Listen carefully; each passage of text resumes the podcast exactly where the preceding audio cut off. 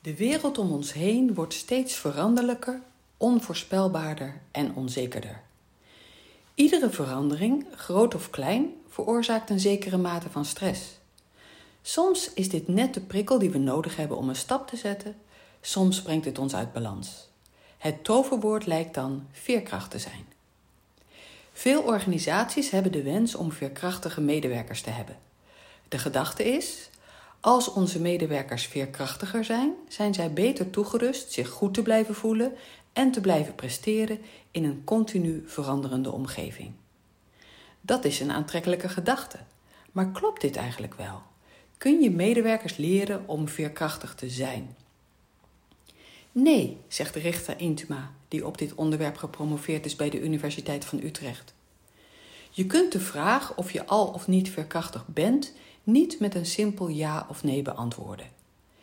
Veerkracht, zo leert zij ons, is een dynamisch proces waarbij je al of niet veerkrachtig bent voor één bepaalde stressoorzaak. Je kunt veerkracht ontwikkelen voor specifieke stress veroorzakende omstandigheden. Dat zit zo.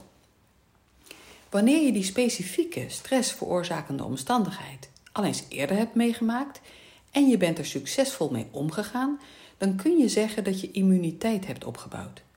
Je bent er tolerant voor geworden.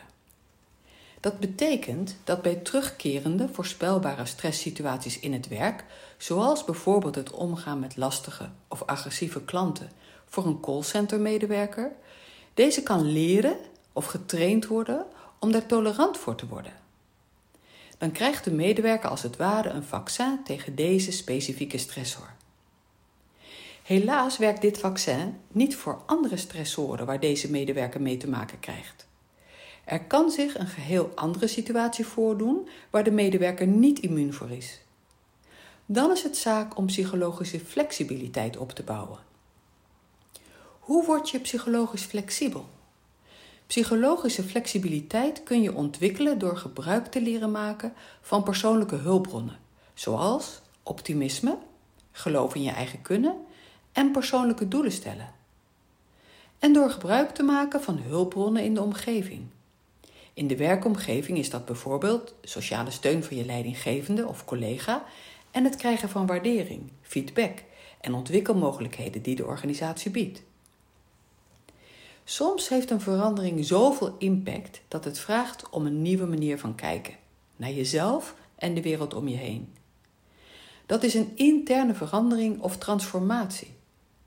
Dat betekent dat er een ander, nieuw verhaal ontstaat over wie je bent en wat je kunt of wilt, over jouw capaciteiten en over de manier waarop je de wereld ervaart.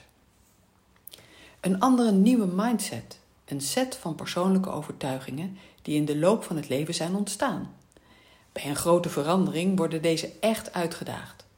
Zijn deze overtuigingen nog steeds waar? Passen ze nog bij de nieuwe veranderende omstandigheden?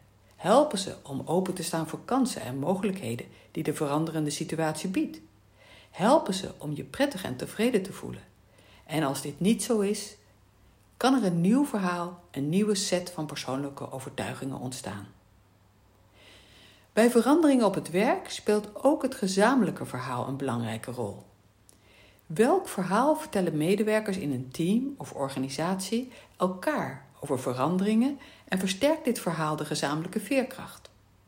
Wanneer medewerkers in een stressvolle situatie in staat zijn om een ondersteunend en versterkend verhaal te vertellen over wie zij zijn en hoe zij de omgeving ervaren, ontstaat er nieuwe energie en is er ruimte voor positiviteit, nieuwsgierigheid en samenwerking. Dan komt er beweging en ontstaan er nieuwe mogelijkheden. Met andere woorden, dan zijn ze samen veerkrachtiger geworden.